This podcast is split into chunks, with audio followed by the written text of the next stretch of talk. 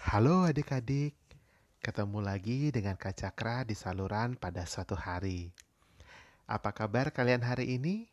Kak Cakra harapkan kalian dalam keadaan yang sehat dan bahagia selalu. Seperti biasa, di saluran pada suatu hari, Kak Cakra akan membagikan sebuah cerita untuk menemani hari kalian. Cerita yang akan diberikan hari ini masih Kak Cakra ambil dari daerah Bali. Judulnya adalah Iklesih. Klesih merupakan bahasa Bali dari hewan terenggiling. Sudahkah di antara kalian ada yang pernah melihat terenggiling? Jika belum pernah melihat terenggiling, kalian bisa meminta orang tua atau kakak kalian untuk mencarikan gambar terenggiling di internet. Atau jika kalian pergi ke kebun binatang, kalian bisa meminta penjaga kebun binatang untuk mengantarkan kalian melihat si terenggiling. Nah, adik-adik, bagaimana cerita lengkapnya si terenggiling? Kita dengarkan setelah yang satu ini.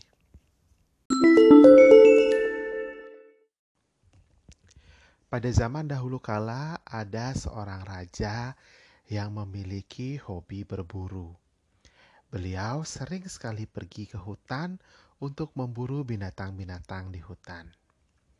Sang raja memiliki seekor anjing yang sangat kuat. Anjing ini diberi nama Iblanguyang. Iblanguyang ini memiliki kekuatan yang luar biasa. Selain bisa berlari kencang, gonggongannya bisa menakuti semua makhluk hidup yang ada di hutan. Selain itu, ia pun memiliki kekuatan gaib. Apabila Iblanguyang menggonggong menghadap ke utara, maka semua binatang yang ada di utara akan jatuh sakit dan lemas. Kalau dia menggonggong ke arah timur, maka semua binatang di timur akan jatuh sakit dan lemas. Begitu seterusnya, ke mana pun arah iblangu yang menggonggong, binatang-binatang di sana akan jatuh sakit dan lemas. Hal ini tentunya membuat para binatang merasa sangat kesulitan Apabila iblang uyang setiap datang dan menggonggong membuat mereka sakit dan lemas, lama-lama binatang di hutan itu akan habis.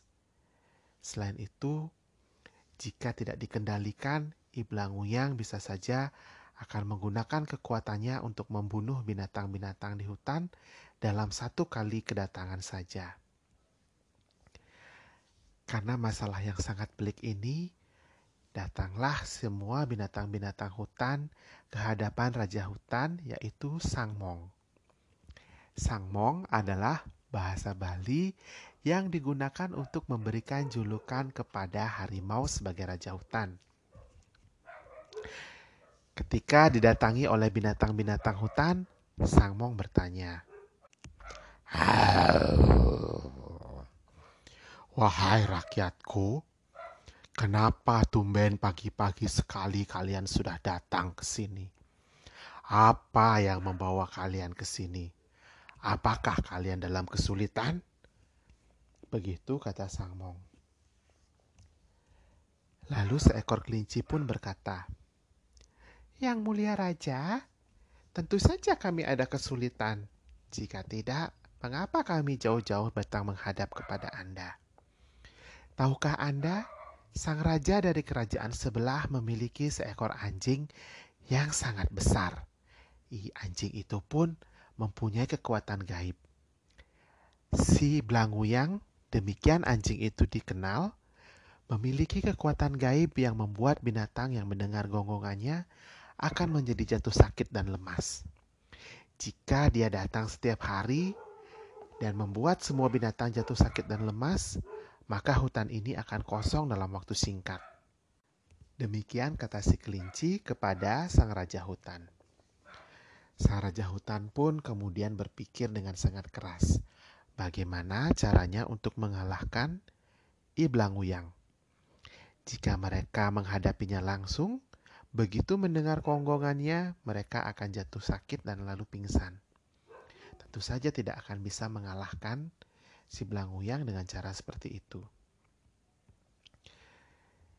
Akhirnya karena sudah kehabisan ide, Sang Mong pun berkata, Wahai rakyatku, aku akan mengadakan sayembara. Barang siapa yang berhasil membunuh Iblang Uyang, akan aku jadikan raja mendampingiku di sini. Dan semua makhluk hidup di hutan ini harus mematuhi perintahnya. Demikian kata Sang Mong. Mendengar hal ini, semua binatang berbisik-bisik. Ayo siapa ya? Siapa coba yang bisa mengalahkan si, si Blanguyang? Dia itu terkenal sangat hebat. Mereka berbisik-bisik tapi tidak satu pun mengajukan diri.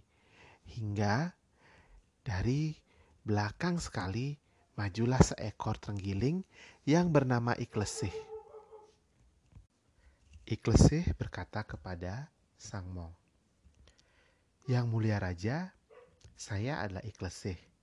Saya bersedia untuk mengemban tugas mengalahkan Iblang Nguyang. Jika saya berhasil, tentunya saya akan mendampingi Yang Mulia sebagai raja di sini. Tetapi ada satu permintaan saya. Karena tugas ini sangat berat, jika seandainya saya tidak berhasil mengalahkan Iblang Uyang, saya mohon saya tidak dihukum. Demikian kata Iklesih. Sang Mong pun setuju untuk memberikan tugas ini kepada Iklesih dan tidak akan menghukumnya apabila Iklesih gagal melakukan tugasnya. Siang itu juga Iklesih berjalan menuju istana. Sesampainya di istana, ia pun menyelinap ke dalam dapur. Di atas bilik-bilik dapur ada tempat menyimpan kayu bakar. Ia menggulung dirinya dan bersembunyi di sana.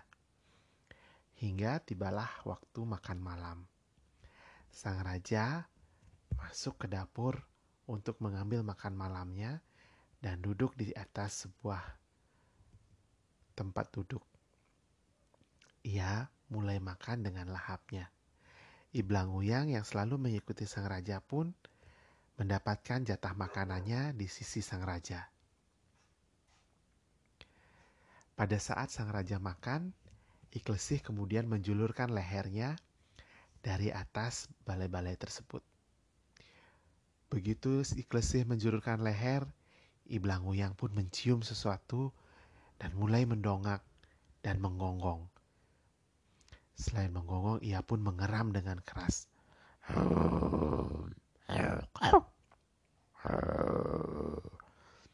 Sang raja melihatnya lalu berkata, Shh, Belanguyang, diamlah, aku sedang makan. Si Belanguyang lalu diam. Iklesih kemudian menjulurkan lagi kepalanya. Iblang Uyang pun kini mengeram tambah keras.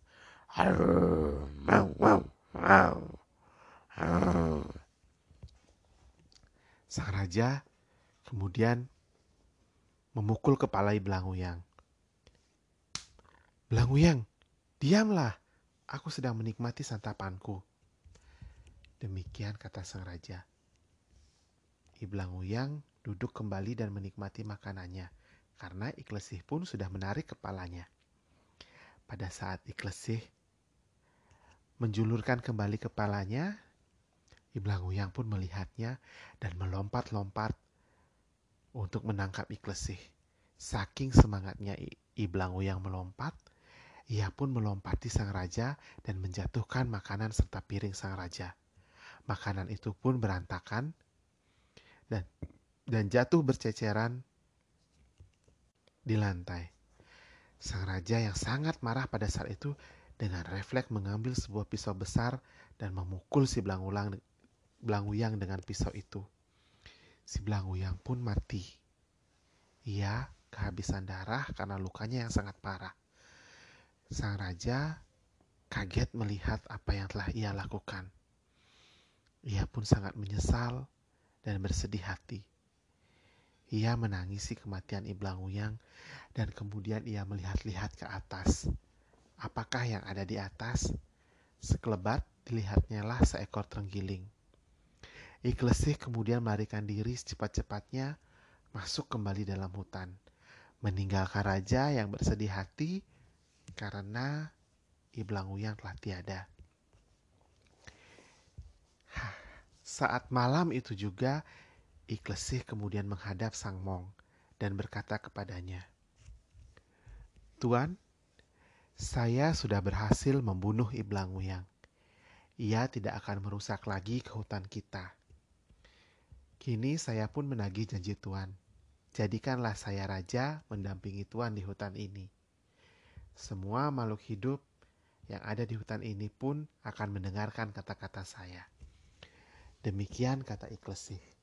Dan Iklesih kemudian diangkat menjadi raja mendampingi Sang Mong untuk memerintah hutan tersebut. Nah adik-adik itulah tadi cerita mengenai Iklesih dan si Belanguyang. Kalau menurut Kak Cakra, ada beberapa hal yang bisa kita petik dari cerita ini. Yang pertama adalah apabila kita menghadapi suatu kesulitan dengan orang yang lebih besar dan lebih kuat, ada cara lain selain melawannya secara fisik untuk mengalahkannya. Cara itu adalah dengan cara menggunakan ide-ide yang ada di kepala kita. Kecerdikan tentunya pasti akan bisa membantu kalian untuk mengatasi masalah-masalah besar. Yang kedua, kita tidak boleh berbuat gegabah seperti sang raja.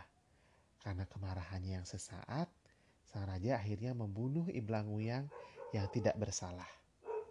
Nah, demikianlah cerita mengenai Iklesi hari ini. Semoga kalian bisa terhibur mendengarnya. Apabila ada adik yang ingin menyampaikan saran atau meminta cerita yang dipilihnya sendiri untuk kacakran dibawakan di saluran ini, jangan sungkan-sungkan kalian boleh meninggalkan pesan suara kepada Kacakra. Terima kasih banyak atas perhatian adik-adik hari ini dan sampai jumpa pada cerita-cerita selanjutnya.